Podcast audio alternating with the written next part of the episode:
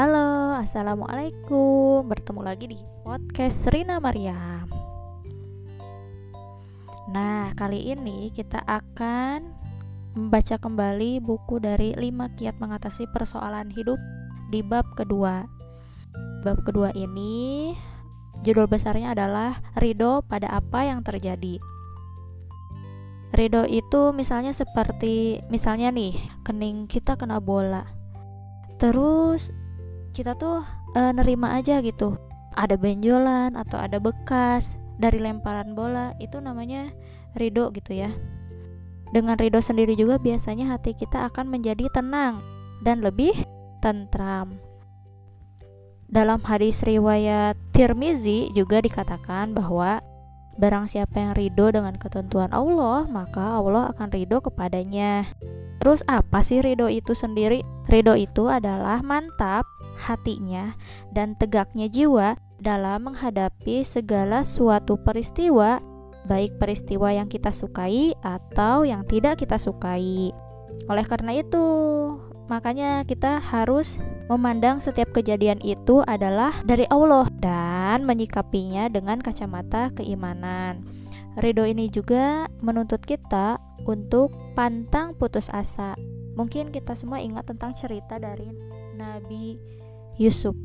Nah, Nabi Yusuf itu kan ceritanya waktu itu sudah mengajak gitu ya, mendakwahi para umatnya, tapi tidak ada satupun yang mau mengikuti uh, Nabi Nabi Yusuf tersebut gitu sampai akhirnya ia pun berputus asa Allah memberikan ujian demi ujian yang dirangkum dalam tiga kegelapan yaitu kegelapan malam kegelapan di dalam laut dan kegelapan di perut ikan.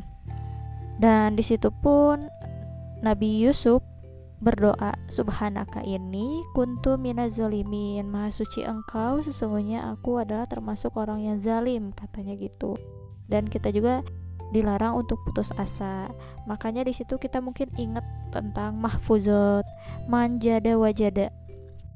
Manjada wajada. Kalau zaman dulu ingat di mana gitu ya jadinya nah gitu jadi dari situ juga bertawakal gitu ya bertawakal kepada Allah supaya hati kita menjadi tenang dan semakin dekat dengan pertolongan Allah. Dan kenapa juga sih kita harus ridho dengan apa yang terjadi?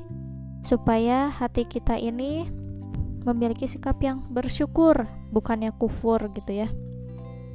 Menjauhi diri kita dari dengki dan iri. Melihat keberuntungan orang lain itu uh, kita tuh malahan iri gitu ya dengki gitu ya.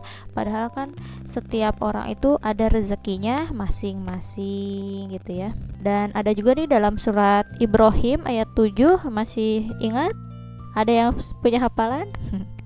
Dan sesungguhnya jika kamu bersyukur, pasti kami akan menambah nikmat kepadamu, katanya. Jadi, kita juga harus sering-sering bersyukur.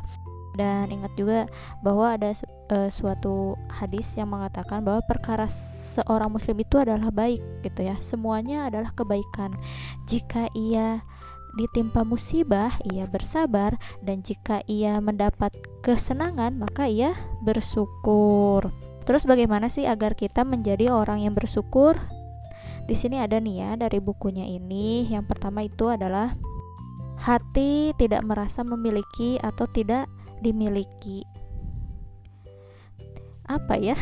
Hati yang tidak merasa memiliki dan tidak merasa dimiliki. Ah. Jadi siapa dong yang memiliki? Ay. Dan yang kedua adalah selalu memuji Allah dalam segala kondisi dan yang ketiga memanfaatkan nikmatnya yang ada untuk mendekatkan diri kita kepada Allah Subhanahu wa taala. Dan yang keempat, berterima kasih kepadanya yang telah menjadikan nikmat dan berterima kasih kepadanya atau kepada siapa saja gitu ya. Kalau dulu itu ingat kayak ada kalau di kantor dulu pernah kerja tuh ada yang namanya jurnal syukur. Jadi setiap karyawan itu berkesempatan untuk tausiah gitu ya. Atau enggak berbagi materi yang bermanfaat. Kemudian di akhirnya adalah dibacakan jurnal syukur itu. Minimal tiga ya misalnya kayak terima kasih kepada siapa yang telah siapa gitu ya. Tiga aja disebutin. Nah sekarang coba anda. Sudah bersyukur hari ini? Sudah berterima kasih hari ini? Boleh ya dipikirkan ya sebelum tidur ya mungkin itu aja kita akan ketemu lagi di bab selanjutnya di bab 3 Dadah, assalamualaikum.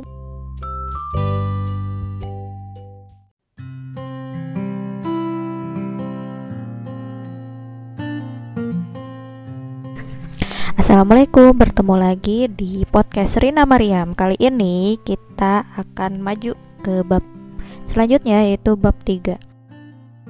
Dari buku 5 kiat mengatasi persoalan hidup. di bab 3 ini ada tiga poin. Yang pertama misalnya nih ada cerita ya. Misalnya kita tuh sakit pinggang terus kita tuh cerita ke temen kita tuh sakit pinggang. Terus temen yang A itu bilang kalau ini ginjal atau enggak sakit lambung atau enggak apa gitu ya pas curhat ke temen harusnya kan kita itu perginya ke dokter gitu ya biar enggak men menduga-duga. Terus juga kenapa kita harus lanjut ke dokter ketika kita sakit? Supaya kita itu tidak menduga-duga atau enggak kita terjebak oleh diri kita sendiri yang ternyata malah mempersulit diri sendiri. Nah, di sini ada tiga poin nih. Yang pertama adalah tetap mengendalikan diri. Tetap mengendalikan diri di sini itu Allah tidak membebankan seseorang melainkan sesuai dengan kadar kesanggupannya seperti dalam surat Al-Baqarah ayat 286. E, di sini juga ketika kita mengendalikan diri, maka akan muncul rasa tenang. Rasa tenang di sini adalah tidak berkata e, tidak berkata yang tidak kasar, tidak berkata yang kasar, sopan gitu ya, tidak mengatakan sumpah serapah atau yang lainnya. Ingat kenapa? Karena musuh yang terbesar adalah diri kita sendiri. Alasannya kenapa? Kita harus tetap mengendalikan diri agar kita tidak terjerumus dalam kemusyrikan karena hawa nafsu yang selalu mendorong kita untuk sibuk dengan hal yang selain kepada Allah. Jadi ketika misalnya hati kita sudah beres nih ya, urusan dunia kita sudah beres, maka kita juga akan dimudahkan dengan urusan yang lainnya. Nah, di sini juga nih seperti dalam hadis ada satu raja di dalam diri ini. Jika ia baik, maka baiklah seluruh seluruhnya gitu ya. Yaitu dan apakah itu? Yaitu hati. Dan poin kedua di sini adalah selalu ada jalan keluar. Seperti dalam surat At-Tolak ayat 2 sampai 3. Barang siapa yang bertakwa kepada Allah, niscaya dia akan mengadakan baginya jalan keluar dan memberinya rezeki dari arah yang tidak disangka-sangka. Tidak ada masalah nih yang tanpa solusi dan tidak ada juga persoalan tanpa ada jalan keluar. Allah yang menciptakan kita, Allah yang memiliki kita, pasti Allah Maha tahu nih siapa dan bagaimana diri kita, termasuk dalam menghadapi suatu persoalan hidup. Nah, untuk selanjutnya yaitu poin ketiga adalah bersabar. Sabar itu tampak pada pukulan yang pertama. Jadi ketika kita punya masalah, kita langsung bersabar dan mengucapkan innalillahi wa inna ilaihi rojiun. Sesungguhnya apa yang dari Allah akan kembali kepadanya. Kata Al-Junaid adalah engkau menelan sesuatu kepahitan tanpa mengerutkan muka. Jadi, jika kita punya sesuatu hal yang tidak sesuai dengan keinginan kita atau harapan kita, atau bahkan malahan lebih baik dari keinginan kita, maka tetap bersabarlah. Nah, bagaimana cara bersabar dalam situasi yang sedang terjadi? Yaitu, pertama, berterima kasih Kedua, bersyukur. Yang ketiga, kembalikanlah kegembiraan atau kesedihan itu kepada Allah. Di bab 3 ini jangan mempersulit diri. Di di bab ini juga ada tiga poin, yaitu yang pertama tetap mengendalikan diri, yang kedua selalu ada jalan keluar, dan yang ketiga bersabar. Nah, sudahkah Anda tidak mempersulit diri sendiri? Nah, semoga kita tidak mempersulit diri sendiri ya. Mudah-mudahan Allah juga memudahkan jalan kita. Amin. Dah, itu dia. Kita akan ketemu di bab selanjutnya yaitu bab 4. Wassalamualaikum.